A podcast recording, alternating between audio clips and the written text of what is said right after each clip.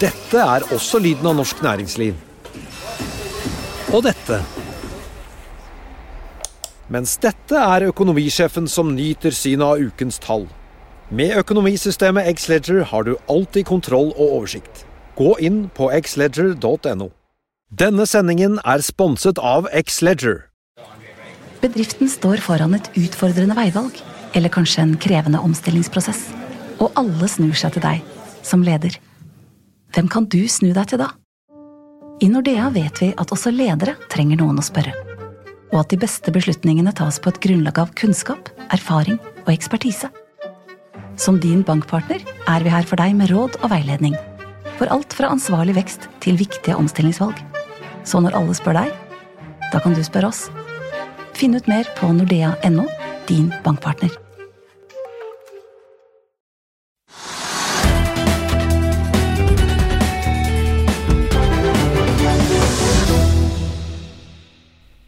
Velkommen til Økonominyhetene. I dag besøker boligekspert Bård Schumann. Vi begynner med å se på hva som rører seg på Oslo Børs. Vi er ned i dag en halv prosent, Trygve. Det er eh, nokså negativt i markedet, og eh, oljeaksjene faller kraftig. Ja, fordi at, uh, la oss ta det siste først. Oljeprisen er jo litt ned. Den har ligget flatt hele helgen. og så I løpet av dagen i dag så har oljeprisen falt litt, ikke mye. altså En halv dollar per fat, både for lettoljen og for brenten. Så brenten, Da sist jeg så på det, så var brenten uh, 61,5 dollar eller noe sånt. Nå. Og det er litt i press ned. og litt, Det er litt liksom, motsatt av hva mange hadde forventet. På grunn av da, uh, alt det som har skjedd i Gulfen, med disse tankskipene som er skutt i brann eller gått på miner eller hva det måtte være. Du tenker på den hendelsen i Omanbukten hvor ja, Frontline hadde, frontal Ja, vi hadde, en, vi hadde en sånn hendelse i mai hvor da fire tankskip faktisk ble angrepet på forskjellige måter. Og så hadde vi nye nå da hvor et norsk, blant annet et norsk tankskip som tilhører Frontline da ble skadet på en eller annen måte med brann og greier. og De er nå i Emiratene, så de er på en måte trygge. Men det kunne jo medført masse spekulasjoner om oljeprisen og hva betyr dette her. Og hvis det eskalerte den konflikten ganske kraftig eh, mellom USA og Iran, så kunne man jo tenke seg at hvis man ser på kartet, så vet man sånn den persiske gulf, og så er det Hormuzstredet, som er et bitte lite og trangt strede. Og der kan man faktisk rimelig enkelt stenge det. Og hvis man stenger ned det, så betyr det at ca. mellom 18 og 20 millioner fat olje ikke kommer til markedet ut av Gulfen hver dag. Som ville bidra til å presse prisene betydelig opp? Prisene, De kunne presse prisene opp, bare, men det gjorde det lite grann. Men så har det falt helt tilbake, og ingen tror på at et sånt scenario egentlig er mulig. slik at I dag har vi da et fall i oljeprisen. og Derfor, derfor har vi også da et fall i de oljeaksjene som er korrelert med oljeprisen, nemlig da eh, Aker BP og Equinor. Ja, Equinor faller jo nesten 1,7 mens Aker BP er ned 1,3% ja, men det er, det er, sikkert, er det en overreaksjon? Nei, men det kan jeg ikke si noe om. Det er avhengig av hvem som trader akkurat den aksjen, og hva de har av likvide, hva de skal ut og inn osv. Det er helt tilfeldig. Poenget er at begge de to aksjene hele dag har ligget mellom en halv prosent og 1% ned. Så har det økt litt utover da på slutten av dagen fordi at oljeprisen tar seg ikke opp. Så du må se noe nytt. Det må et nytt angrep, et ny krigserklæring, en ny uttalelse fra Trump, en ny Twitter-melding. Eller eh, at presteskapet i Iran kommer med veldig kraftige meldinger om at de forventer at de skal gjøre et eller annet skummelt for å stoppe da altså Det USA i realiteten gjør, ved å da på en måte straffe alle som kjøper olje fra Iran, det er da strupe økonomien i Iran. og Det, det, det tror jeg de lykkes ganske godt med for tiden. Og da kan på en måte da det regimet som er i Iran, de kan da bli ganske desperate og finne på ting. Og Det kunne være stengning av Hormuzstredet. Derfor kunne man tro altså at oljeprisen ville sige oppover i forventninger om at da det ble stengt, mindre olje i markedet, prisene går opp. kunne man tenke seg. Men samtidig så har vel Donald Trump sagt at han har, ikke noe, har det ikke travelt med å komme til noen handelsavtale med Kina. Nei, da, eh, så dette med handelskrigen ligger vel også som en sånn klam hånd over generelt alt, fordi man nå ikke vet om de i det hele tatt kommer til noen avtale? Ja, kanskje. Men det, nå har vi snakket om den der handelskrigen i et halvt år. Så jeg tror ikke den betyr så mye akkurat nå. Men det er klart at det, hvis folk forventer at det skal bli altså, vanskeligere å handle nye tollavgifter i USA, nye tollavgifter i Kina, nye tollavgifter i Mexico eller, eller tollavgifter i EU, hva det måtte være, så legger det en dempe på forventningene og usikkerheten fremover. Folk investerer mindre, og det blir mindre økonomisk aktivitet. Så det er ikke bra i det hele tatt. Men akkurat nå så mener jeg at det som skjer, er, som kan bli liksom katastrofe, det er, det er da hvis da man får en åpen, stor, sterk konflikt mellom USA og Iran. Og hvor da USA har satt inn masse av sine marine eh, fartøyer inn inn, inn i, Midtøsten. Så det der er skummelt. Men det, det gledelige det, det, lang, det var et langt kort spørsmål. Poenget det gledelige er at vi har ikke fått et løft i oljeprisen. Og det på en måte diskonterer kanskje det at folk, markedet, eh, ikke forventer noe særlig økning i prisen i det hele tatt ennå. Nei. Så det, men, men så, så, så, og derfor så Derfor, kanskje, men ikke sikkert, så er det også at ti av ti selskaper på taperlisten er faktisk oljeserviceselskaper. de som har vært avhengig av at oljeprisen skulle gå opp, at det skulle skje noe, at det skulle bli spenning, at oljeselskapene skulle bruke mer penger på leting, på, på seismikk og hva det måtte være. I dag så er liksom ti av ti ned, og det tyder på at markedet tenker at dette her blir kanskje ikke den store konflikten. Her er oljeprisen lavere. Det er ikke bra for da alle oljeserviceselskapene.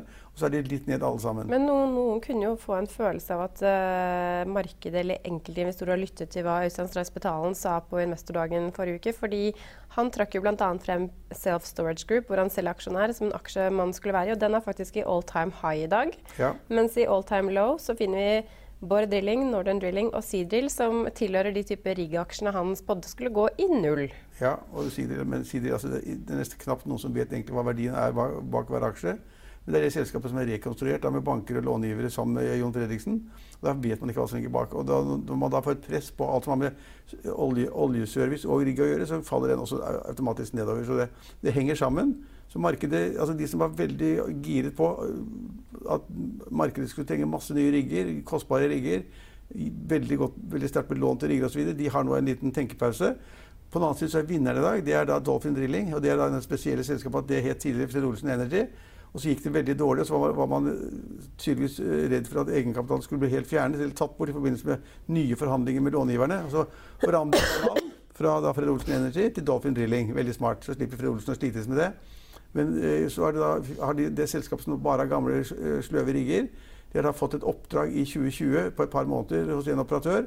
Og det var nok til å heve aksjene opp nesten 50% Ja, De har vel signert en kontrakt med norske Shell for boring på Knarrfeltet. I 2020. I 2020. Og de har løftet aksjen da, da jeg så på det, på det meste, så var faktisk aksjen opp over 50 Ja, nå er den opp 30 ja, ja. Det er jo, ja. Men en annen aksje som kunne ha steget kanskje mer i dag, var jo Nell, etter at uh, Nell-sjefen konkluderer med at det var ikke deres uh, hydrogen som smalt i luften, eller hvordan man skal nei, forklare det? Nei, det kan Undersøkelsen etter eksplosjonen ute ved Sandvika, der har det kommet en undersøkelse da, som viser at hendelsen startet med en hydrogenlekkasje ja, fra høytrykkslagringsenheten, og at en sky okay.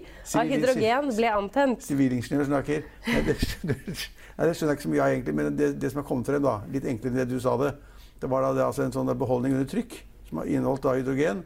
Og så har det åpenbart vært en lekkasje i denne beholderen. Det har de da funnet ut. Det kan man selvfølgelig finne ved sånne små høl eller rifter eller noe sånt. Nå. Så har de funnet ut at det var et hull i den der beholderen under trykk som har noe med Nell å gjøre. Og så er det det man ikke har funnet ut av, hva som da medførte at den lekkasjen av, av hydrogengass ble antent, slik at den eksploderte. Det vet man ikke. Nei. Så Foreløpig tror jeg verden venter, i, venter litt med hva og, og Til tross for at Nels-sjefen da konkluderer med at det ikke var Nels skyld. Ja, men altså, jeg men kan altså, ikke nok, jeg, aksjen altså, reagerer, hold deg fast, opp 0,055 Gikk aksjen? Ja. ja. Men det var opp 2 tidligere i dag. Ja, men uh, nå er oppgangen på 0,05% ja, for Det er ikke noe vits å løpe av gårde for å kjøpe Nell-aksjer ennå. Man vet jo ikke hva som har skjedd. Jeg, nei, Hvis man skulle kjøpt Nell-aksjer, når skulle man ha kjøpt de da, uh, Trygve? Hvis du ser i det korte bildet. Nei, Jeg har vært negativ hele tiden fordi jeg mente at uh, rek, altså, rekkevidden var kanskje god, men altså, du skal, kan jo ikke ha hydrogenbil hvis det er to tappestasjoner. Det har jeg sagt i programmet her 20 ganger, tror jeg, så det tror jeg ikke er noe etterpåklokskap. Og Den ene stasjonen var da i Sandvika, den har gått i lufta. Og så var det en da på østkanten et eller annet sted. og så Hvis ikke du de to, fant de to, hvis de var stengt, så måtte du reise til Bergen eller sånt. Men tyskere og småsparere laster jo opp i Nell bare ja, det. Det kunne vi jo lese i Finansavisen i helgen. Ja, men Jeg kan ikke noe om, om tyske preferanser, men poenget er at Nell har vært omsatt masse. Det har vært liksom, Storaksjonærene solgte seg ut for to, to, eller tre uker siden. De solgte aksjer for 900 millioner. Og så var det store aksjonærer som kom inn, og så var det ut igjen. og Det har vært stor omsetning hele tiden, så det er noen som satser på, på hydrogentransport. Men det er altså da slik at det er full stopp i Toyota, det er full stopp i Tyskland, hvis, det er full stopp i USA, det er full stopp i Norge. Hvis man hadde tro på aksjen, så hadde, var det sikkert ikke så dumt tidspunkt å kjøpe aksjer akkurat i åpningsminuttene på tirsdag. Etter at Nei. nyheten om at den, bomben, at den, lille eksplosjonen skjedde på mandag, så var vel ikke det noe sånn Nei. Men man kunne kjøpt på fall. Ja. det er mange som satser på det og tror på det. Hydrogen, jeg er skeptisk. Ikke pga. bomben eller at det eksploderer, men det er ja, det er for alle, tidsperspektivet altfor langt. Ja. Ellers så har Arne Fredli sitt uh, Hunter Group solgt uh, skip for 850 millioner kroner. Ja, det, altså Han driver faktisk den store, store, posisjonen han har i tank, med nye, nye skip. Den driver han nå og letter litt på. Det synes jeg er ganske spennende og interessant. Det kan også ha noe å gjøre med det som skjer i Gulfen å gjøre. For hvis, og det har jeg skrevet litt om i morgen faktisk, altså hvis da Hormuseet blir stengt, som er en liten sannsynlighet kanskje, så er det jo da ikke behov for så mange tankskip. Da vil jo alle den horden av tvangsskip som går ut og inn i Gulfen, de kommer da ikke ut og inn, og så har man ikke noe å gjøre for dem. Når aksjen Så går pri hvis prisen går opp samtidig på olje, så er det også lavere etterspørsel. Det betyr at tankmarkedet kan bli ødelagt. Ja, aksjen steg jo først eh, nesten 5,8% i morgentimene, og nå er den opp et, nesten 4 av Ja, 3,8 jeg, tror, ja, jeg tror ikke han har tjent noe særlig på det. Men man kunne jo tro at Bård Drilling skulle få seg et sånt lite oppsving i dag etter at man hørte at Tor Olav Trøim droppet Nord Shipping for å dra til Mexico og snakke med Pemex om å posisjonere seg for Ja. nye kontrakter. Men det har han ikke lyktes i, altså. Nei, men han er flink, og han har sikkert gjort det riktige. og Det var sikkert bedre å være i Mexico og snakke med, med, med oljeselskapet der, Pemex, enn å sitte på bar i Oslo. Det er jeg helt sikker på at det var en god, Ja. god Men likevel, det hjelper ikke Men aksjen. Drilling er ned Men Bård Drilling er 3,12 jo og på all time low-listen Ja, den er kjempesvak. Og det er fordi at det er svakere i hele offshoremarkedet og det er svakere i riggmarkedet. Men så er det en aksje vi også må nevne som dere sikkert snakket om en del på fredag. Norwegian fikk jo en opptur på fredag, steg nesten 8-9 etter at Bjørn Kjos eh, signaliserte at han ville ha en mer tilbaketrukken rolle i selskapet. Det var en litt urettferdig reaksjon, sannsynligvis. Men han sa det. Han sa det at liksom han, han vurderte posisjonen sin og hva han skulle gjøre, bla, bla, bla. Som toppsje- toppsjefer av, av og til gjør. Og markedet hørte det, så sendte de aksjen kraftig opp. Kraftig. Men i dag jo aksjen ned igjen et par prosent, og den handles nå rundt 33 kroner. Og det laveste den har vært, var vel da så vidt dippet den under 30 kroner, var den på 29 kroner. Og den er litt opp igjen, men det er helt marginale ting. Og det som egentlig er negativt for Norwegian i dag, er ikke det om Kjos er sjef eller ikke. ikke. Han er sikkert veldig dyktig og veldig flink. Men du tenker på 737-flyene. Nei, jeg tenker ikke på det. Ja, det kan jeg godt Ja, tenke på. også. det, nå har jo Boeing-sjefen ute i dag og sa at de mest sannsynlig ikke kom til å være på tilbake. Ja, ja, De kommer ikke tilbake før til neste år, kanskje. No, desember eller neste år. Det er en alvorlig sak. og Norwegian har 18 fly, så det sk- skader inntjening. det er helt sikkert. Og det er mange helt sikkert som ikke ønsker å reise med, med det flyet. Nå står de på bakken, så de, man blir ikke liksom da utsatt for å reise med det flyet. 737 maks, 8. Det er ikke det. Men Lufthansa kom med en profit-warning i helgen hvor de sa det at det går riktig, riktig dårlig. Og I første kvartal i fjor hadde de tjente de penger. I første kvartal i år så tapte de 3 milliarder kroner. eller sånt nå. Og de sa det skyldes marginer, kostbar nytt fuel har økt i pris osv. Det var negativt for alle flyselskaper. Det har sannsynligvis rammet kursen i dag mer enn det at uh, Kjos skulle være, ikke, være sjef eller ikke være sjef. Ja, Da har vi vel vært gjennom de aller viktigste Håper det. Ho hovedtrekkene. Vi, etter vinner- og taperlisten er vi tilbake med Bård Schumann i studio. Vi tar med oss oljeprisen en gang til. Ned 0,71% akkurat nå til 61 dollar og 60 cent. Dagsomsetning på Oslo Børs er 2 milliarder kroner. you. Fra børs til bolig, det er jo, henger jo kanskje også litt sammen. Men velkommen til oss, Bård Schumann, boligekspert. Du har vært gjest hos oss en rekke ganger tidligere, men da i en annen rolle som administrerende direktør i Selvåg bolig. Men nå skal vi snakke om bolig fra Bård Schumanns eh, perspektiv. Og forrige uke så spådde du en tosifret boligprisoppgang, og da blir det baluba. Da blir det alltid baluba, vet du. Ja, og så må vi jo lese litt, uh, håper på å si litt nøyere enn hva jeg sier også. Jeg sier at det tror jeg kommer til å skje i Oslo. Så tror jeg det blir veldig stor forskjell på det og randsonen til Oslo, hvor det er regulert masse tomter. Jeg tror det blir forskjell i Bergen og Trondheim. Det kommer ikke det til å skje heller. Men Oslo er, er spesielt. Um, um, I fjor ble det regulert i overkant av 800 boliger i Oslo. Det trengs 4000-5000 i året. Hittil i år er vi på rundt 300 boliger. Men hvorfor ble det bare jeg har også lest de tallene, hvorfor ble det bare regulert 800 boliger? liksom? Ja, det må du spørre byrådet om, for å si det sånn. jo, men men jeg vet jo hvorfor. Og det er jo fordi at det blir store Men Var det bevisst, eller bare ble det sånn? Nei, det ble sånn. Eh, så kan du spørre om det er bevisst eller ikke. Utfordringen ligger jo at alle store planer stort sett blir utsatt i lang tid. Skøyen f.eks., som er flere tusen boliger som burde vært regulert for lenge siden, eh, er blitt utsatt igjen. ikke sant? Og når dette her skjer igjen og igjen, hvis, og de fleste hvis, steder hvis den der eh, banken av boliger er veldig stor, Mm. så mister man noe her, så tjener man noe der. Liksom. Man skulle tro at det jevnet seg ut, da, men nå, nå var det reelt klart fall i, i reguleringsantallet. Ekstremt. Og så kan du si det sånn at i forhold til Hvis du ser på den tomtebanken som finnes i denne byen her nå, så er det etter at du tar bort tomter som ikke kan bygges ut før om en 10-15 år, øh, øh, studentboliger og kommunale boliger osv., så, videre, så ender du opp med 10 000-11 000 boliger som kan, faktisk kan bygges ut. Det høres greit ut, øh, selv om det trengs en 3000-5000 boliger i året. 3-5 i året i Oslo. Ja. Og så kan du si det sånn.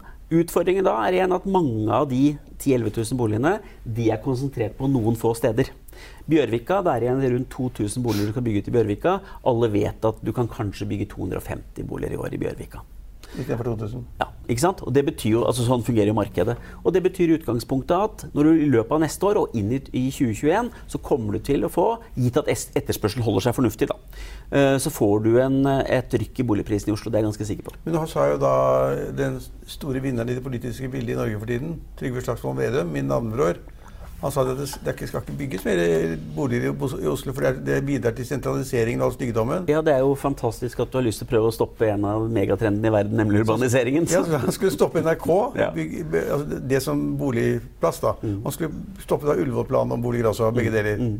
Tror du det påvirker markedet når han sier det? Eller? Det påvirker ikke markedet der og da, men det vil påvirke fremtiden. For det er klart at Fristiller du ikke sentrale tomter i Oslo som ikke skal brukes til holdt på å si noe fornuftig, eh, så vil jo det være med på å dra prisen. For de to prosjektene, så vidt jeg har sett det, så i hvert fall vi har skrevet i Finansavisen, så utgjør det omtrent 5000-6000 Ja, nye boliger. tipper ja. De to. Ja, ja. Hvis man tar bort de, da. Hvis altså Trygve Slagsvold Vedum blir statsminister, i en ny regjering Ja, Får heldigvis ikke han stoppet det, da, men det er klart at han kan jo Han kan stoppe, stoppe det? Ja, kan jo stoppe og si at NRK får ikke lov å flytte fra Marienlyst. For eksempel. Eh, Ja, og, og, og, og en ny, en ny helseminister kan jo si det at, eh, at uh, det blir bare sykehuspulver, så det blir ikke noe tomtebank der. Det blir Nei, ikke nei, da må du bygge om. Altså, på- Poenget da er jo det man ønsker. Skal ikke vi ha en sykehusdebatt, men utgangspunktet er jo at man ønsker å modernisere sykehusene Ja, her i ja, ja. Og det er Ryan Reynolds here from Mint Mobile. With the price of just about everything going up during inflation, we thought we'd bring our prices down. So to help us, we brought in a reverse auctioneer, which is apparently a thing. Mint Mobile unlimited premium wireless. Ready to get 30, 30, bit to get 30, bit to get 20, 20, 20, bit to get 20, 20, bit to get 15, 15, 15, 15 just 15 bucks a month. So, Give it a try at mintmobile.com slash switch. $45 up front for three months plus taxes and fees. Promo rate for new customers for limited time. Unlimited more than 40 gigabytes per month. Slows. Full terms at mintmobile.com. Dette er også lyden av norsk næringsliv. Og dette. Mens dette er økonomisjefen som nyter synet av ukens tall. Med økonomisystemet Xledger har du alltid kontroll og oversikt. Gå inn på xledger.no. vanskelig å altså, vi, vi har vel alle sammen vært og besøkt sykehuset på Ullevål, og det er ikke akkurat eh, moderne. Nei, nei, men det er en fantastisk tomt. da. Så det Fantastisk kunne, tomt. Jeg mener jeg kunne bygge sykehus der også bedre enn der borte, borte på, på Gaustad? Hva? På Gaustad, ja. Ja, på Gaustad. Ja, men hvor det er en bitte liten tomt da, hvor man må bygge høyden for å få plass til alt sammen. Men det er, det er en annen debatt. Det er en annen debatt. Men han sier i hvert fall det at man ikke skal bygge flere boliger på de kjempetomtene, Mm. fordi det er sentralisering og styggedom, sier han. ikke sant? Men vi må huske på en ting til. og Det er at det er ikke de tomtene der som kommer til å dra boligbyggingen i Oslo. Det er utgangspunktet Groruddalen og videre oppover. For det er der du får Hva syns du om Smestad? Det er rett rundt hjørnet her. ja. Der- der- der mister jo er boligeiere søvnen. Alt skal, bygge, alt skal bygges jo. altså, for å si det sånn, Du har ikke noe kjempebehov for å bygge ut Smestad. Det er ikke der du trenger. Det, det vi egentlig snakker om, er å bygge ut områder som det er industri og logistikk i dag. Det er jo det vi er utgangspunktet. men her er det planlagt å rive masse Ja, hus rundt hvorfor mister boligeiere søvnen? Og de sier at de føler seg Altså de er livredde for at de skal våkne opp med et sånt brev om at eh, kommunen skal overta boligen deres. Men det kommer jo aldri til å skje. For Utgangspunktet er jo at det her er markedet som styrer. Hvis de som bor der ikke ønsker å selge til en utbygger, ja vel, da blir det ikke solgt, da. Men så vet vi alle sammen at hvis boligen din kanskje har vært 10-12 millioner kroner som vanlig bolig, så får du tilbud om å selge den for 40, så fristes jo ganske mange av det. Kanskje for tolv òg. Ja, ikke sant? Jo, jo, men du skjønner hva jeg mener. Altså, det er jo det som er utgangspunktet. Og så skjønner jeg det også, at det er vanskelig det er kanskje ikke nødvendigvis at man skal bygge ut alle de uh, villaområdene som vi har i Oslo, men det er ikke det som er behovet. eller det er jo ikke det jeg er ute etter. Mitt poeng er bare at man må klare å få opp reguleringstakten i Oslo og sørge for at det er nok uh, regulerte tomter for at man skal kunne holde prisen på et fornuftig nivå. Men, men i år så regner jo de fleste, med, i hvert fall meglere og andre, og de jeg også snakker med, de sier jo da at prisveksten i Oslo da, holder oss i Oslo, kanskje vil bli en 2-3% i år. For det er en Mm. Ja. rimelig balanse mellom tilbud og etterspørsel. Og markedet er litt avslappet, og, det er en prisvekst som alle kan leve med. selvfølgelig. Ja. Men så er det, det du sier da, det er at nå er vi jo i 2019, Mm. så det, sier du at i 2020 og 2021 så kan det bli den store overraskelsen, den negative overraskelsen. Og da I, i, i, i neste år så faller ferdigstillelsen av nye boliger i Oslo med 25-30% Og faller antageligvis enda mer i 2021. Og Det betyr jo da at det kommer færre boliger på markedet. er det, det er da Selvåg og Veidekke og de store operatørene. Som, er, som er ferdig utbygget. De får Ja. ikke bygget nok. Nei. Og, så kan du si det sånn at Hvis man ikke får opp reguleringstakten i en, en fart, så kommer det heller ikke nye prosjekter ut på markedet for å ta unna det. Og så vet vi alle sammen at resten av året i år kan vi bare glemme når det gjelder nye reguleringer i Oslo. Fordi at det blir svært få Det halvåret det er valg, så blir det ikke regulert noen tomter. For det er ingen politiske partier som ønsker å legge seg i kamp med, med byens innbyggere akkurat der og da. Det er et godt poeng, selvfølgelig. Så det blir min, en, enda mindre regulering enn det man kunne forvente eller håpe på da. Jeg tror det. I, i antall år i år. Jeg tror det. Gitt at du ikke får noen av de store som kommer igjennom. Men det er sannsynligheten for det er nok veldig liten. Men må man da vente helt til 2021 før man, uh, før man liksom merker det rykket i prisene, eller? Nei, det, jeg tror at du kan se det allerede neste år. Men spesielt innen 2021, tror jeg. Men hvis du ser på boligprisene, det, Vi fikk jo boligpristallene for mai bare for noen uker siden. og da, som Trygve var inne på, Oslo-prisene ligger jo da 2,1% høyere enn for tolv måneder siden. Mens Sarpsborg og Fredrikstad har jo den høyeste tolvmånedersveksten med nesten 5% og Det er jo ikke akkurat randsonen Oslo, men det er jo omkringliggende områder. Eh, er det noen grunn til at vi ser veldig høy prisstigning i disse områdene? Eh, Ja, du kan si det sånn, Prisene har lagget der i forhold til Oslo. ikke sant? Det er jo først nå de kommer. Og de kommer nå fordi at folk ser at det er mulig å bo der og pendle til Oslo. Det er en av grunnene.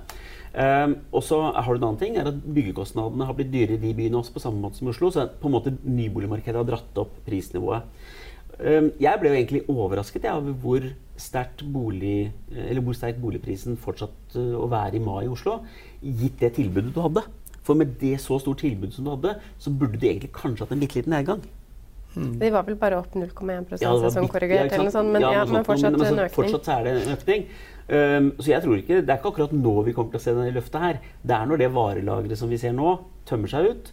Um, og det ikke kommer så mye mer enn nytt på markedet. da. Men så Men, men, men er det er det, da, nå er vi i juni, så jul til august. Er det, skal prisene ned da, for Jeg tror ikke de skal så veldig mye ned, men de kommer til å være ganske flate. Om det går, kan hende det går litt ned også. Og så er jeg litt sånn, jeg er ikke så veldig interessert i om prisene går opp eller ned en, en måned. Jeg, jeg liker å se på, for det, det, det er så mange tilfeldigheter. Ja. Eh, ikke sant? Jo, jo, men vi vet, at, vi vet jo hvert år så stiger prisene i begynnelsen av året, og så synker de når de kommer til sommeren. Ja, Og så kommer du nå ikke sant, med rentemøte, som, hvor Norges Bank garantert kommer til Onsdag. Ja, onsdag, ikke sant? Da øker renten. Eh, tidlig på 2000-tallet, hver gang vi hadde renteøkning, da, så stoppet boligmarkedet i fire uker. Det gjorde jo ikke det nå når det økte sist. Jeg tror kanskje folk har tatt inn over seg disse renteøkningene som kommer, eh, eller har kommet nå.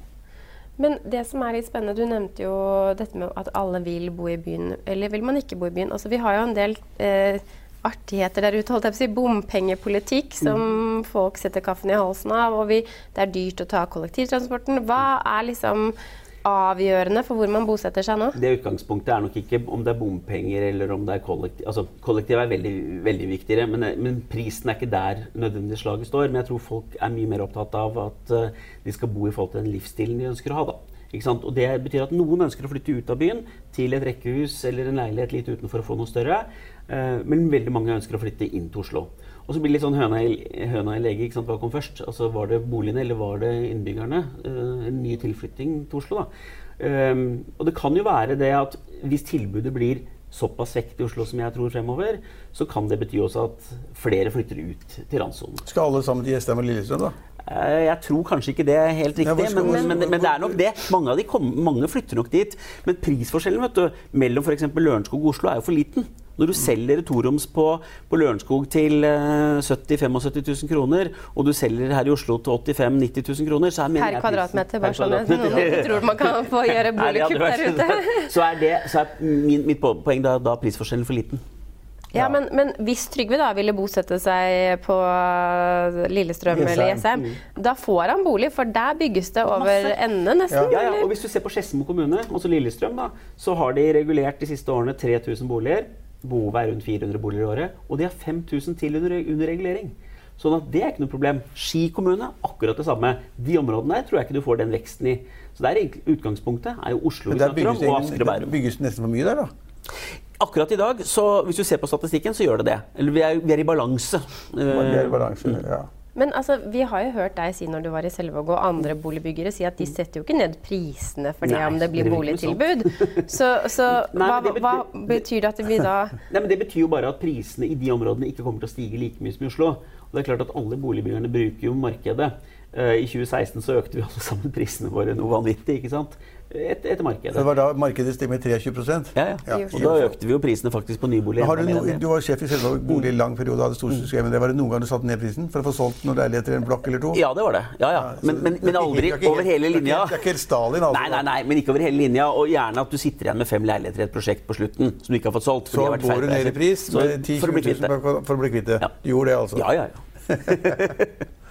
Men, men liksom ikke for å slippe dette med bompenger og kollektiv eh, helt, da. Altså, det er jo åpenbart et veldig stort engasjement rundt bompengepolitikken. Og vi vet jo også at kollektivtilbudet, til tross for at man, altså, hvis man skal sperre eller stenge hele Oslo for trafikk, så må man i hvert fall sørge for at buss og trikk og T-bane går hele tiden. Ja, og det ser vi jo. For ti år siden så var ikke folk så veldig opptatt av hvor nærmeste T-banestasjon eller hvor bussen gikk fra. Nå er det det første folk ser på når de skal kjøpe nye boligprosjekter. Hvordan er det jeg kommer meg rundt uten å bruke bil? Eh, så det er jo superviktig. eh, og derfor så har jo uh, Selvåg, som jeg kom fra, investert også stort sett i tomter nært uh, kollektivknutepunkter. Eh, helt naturlig. Når det gjelder bompenger, så tror jeg den debatten, og jeg forstår debatten, men jeg tror kanskje den blir noe mer opphetet eh, sånn, av prinsipielle årsaker enn en akkurat bo boligprisen. Altså. Men man kan jo på en måte forstå at de som kjører øh, på veier, er veldig interessert i å betale bompenger så lenge det går til å utbedre veinettet, som på langt nær ikke er så godt som man skulle ønske seg. Som bevisst er jeg helt enig. Men i Oslo, når man liksom, det går til å lage sykkelvei i Gyldenløves gate, da skaper det oppstand. Ja, ja. Og det og du kan jo Um, du har en rød-grønn regjering i Oslo, ikke sant? et byråd som er rød-grønt. Det er valg om det er ikke mange, tre måneder til? ja, tre måneder. jeg- Men de får vel ikke stoppet- Men min siste, men min, min siste er, altså det der med, med sentrum og butikker og handling og bil og sånn, er kompliserte greier. Mm. Jeg mener at de har gått for langt, men, det, men i dag var jeg i Tordensons gate, skulle levere noe greier og se på noe greier. Og de har tatt bort parkering, all parkering i Tordensons gate, de strøkene ved rådhuset der. Mm. Og hva sto isteden i veien, som skulle, se, være, skulle være så flott? Noen tullete krakker og bord med noe sånt der, det skulle være uteservering og sånn. De som har restauranter i bygden der, de får sannsynligvis gratis gate, gategrønn av oss det. For å da selge noen kaffekopper eller noe skal se liksom sånn, litt sånn torvaktig ut. Det ser jo helt teit ut, spør du meg. altså. Og det, og det er klart at ja, jeg, jeg, hører at statistikken viser at handelen ikke har gått ned i sentrum. Ja, det har de gjort. Det har det gjort, og det kommer statistikken fremover til å vise. Ja. Eh, Det er litt sånn tilfeldigheter. Eh, Jeg har kontor rett bak rådhuset, og stort sett eh, brøyter meg gjennom turister når jeg går inn og ut av kontoret. Eh, Og det er bra, altså. men, men, men det er klart at det å parkere i sentrum nå er helt umulig. Men det er jo ikke du, du, Hvis du var bak ved rådhuset, er ganske morsomt, for der er jo tatt bort alt i Alt- alle er retninger. Ja. Jeg kjørte rundt og rundt og rundt og kommer ingen steder. Men du skal ikke kjøre bil til Rådhuset, du skal ta T-banen eller trikk Eller eller sånn buss. Els- Ja, eller en det nærmeste sånn parkeringshuset som var fra Tordensons gate bak rådhuset, og aksen mellom Stortinget og rådhuset, Mm. det er da borti konserthuset. Borti der, da, og det er, det er ikke alt du kan bære det du skal ha med deg, eller en ny komfyr eller en ny vaskemaskin. Du kan ikke bære det rundt i Eller dyremalerier, kanskje. Avhengig av hva man har under armen. Ja. Men, eh, ja, men hvordan tror du året i år ender? da? Vi er jo godt inn i 2019, og folk spår jo Vi har snakket om 3 eh, Oslo, hva blir annerledesområdene i år? Jeg tror ikke det blir så veldig stor, noe særlig mer prisvekst i, i år i Oslo. Jeg tror det kommer prisvekst over sommeren, men ikke noe sånn eh, kjempemessig. Eh, Jeg tror vi skal gjennom og godt eh, ut gjennom vinteren før vi kommer til å se at lageret begynner å bli så lite. Og gitt at etterspørselen er der fremdeles. ikke sant? Og da er det jo et par ting som er en utfordring.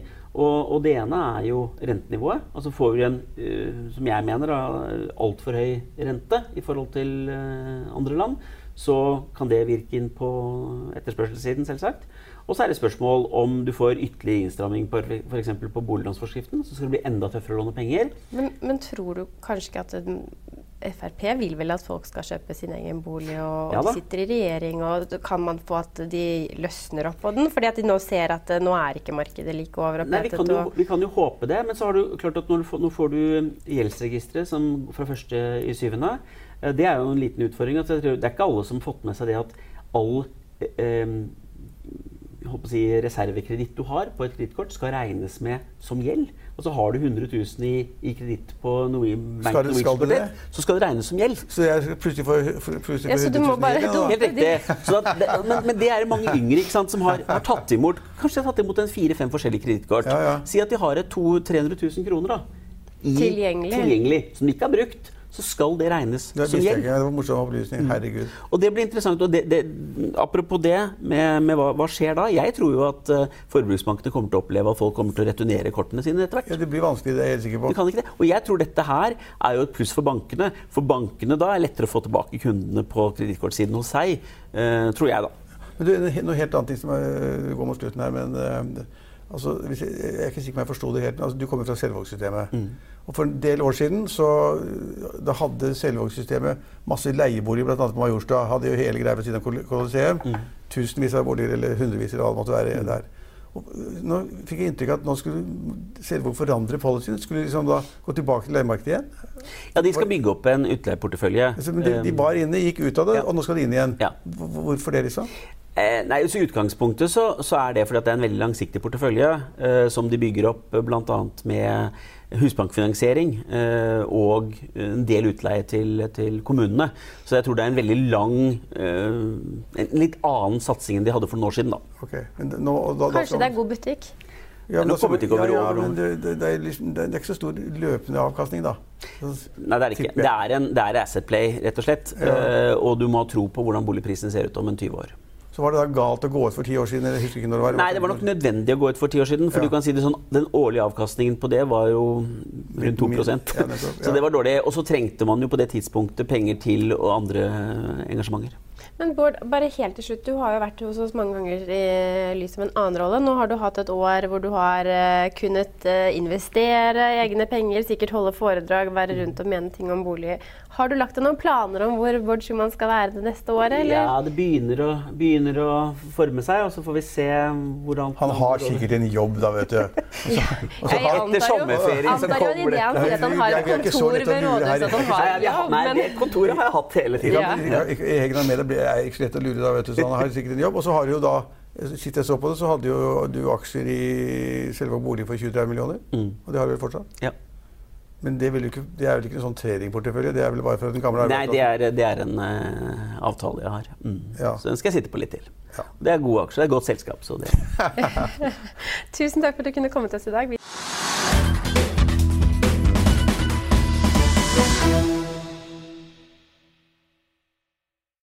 I Finansavisen i morgen kan du lese Trygve Hegnars leder om angrepene på tankskipene i Den persiske gulf og Omanbukten, at Alfred Berg-forvalter Christian Tunal anbefaler kjøp av Eriksson, Valmet og Fjordkraft, og at nok en gang strammer det seg til i markedet for ankerhåndteringsskip i Nordsjøen, og igjen kan ratene passere en halv million kroner dagen. Vi minner om at du også kan høre vår pod. Hegnarpodden finner du på www.hegnar.no eller i iTunes, Spotify og Soundcloud. Vi er tilbake i morgen klokken 15.30. Da har vi med oss sjeføkonom Kari Due Andresen i studio. Følg med oss igjen da.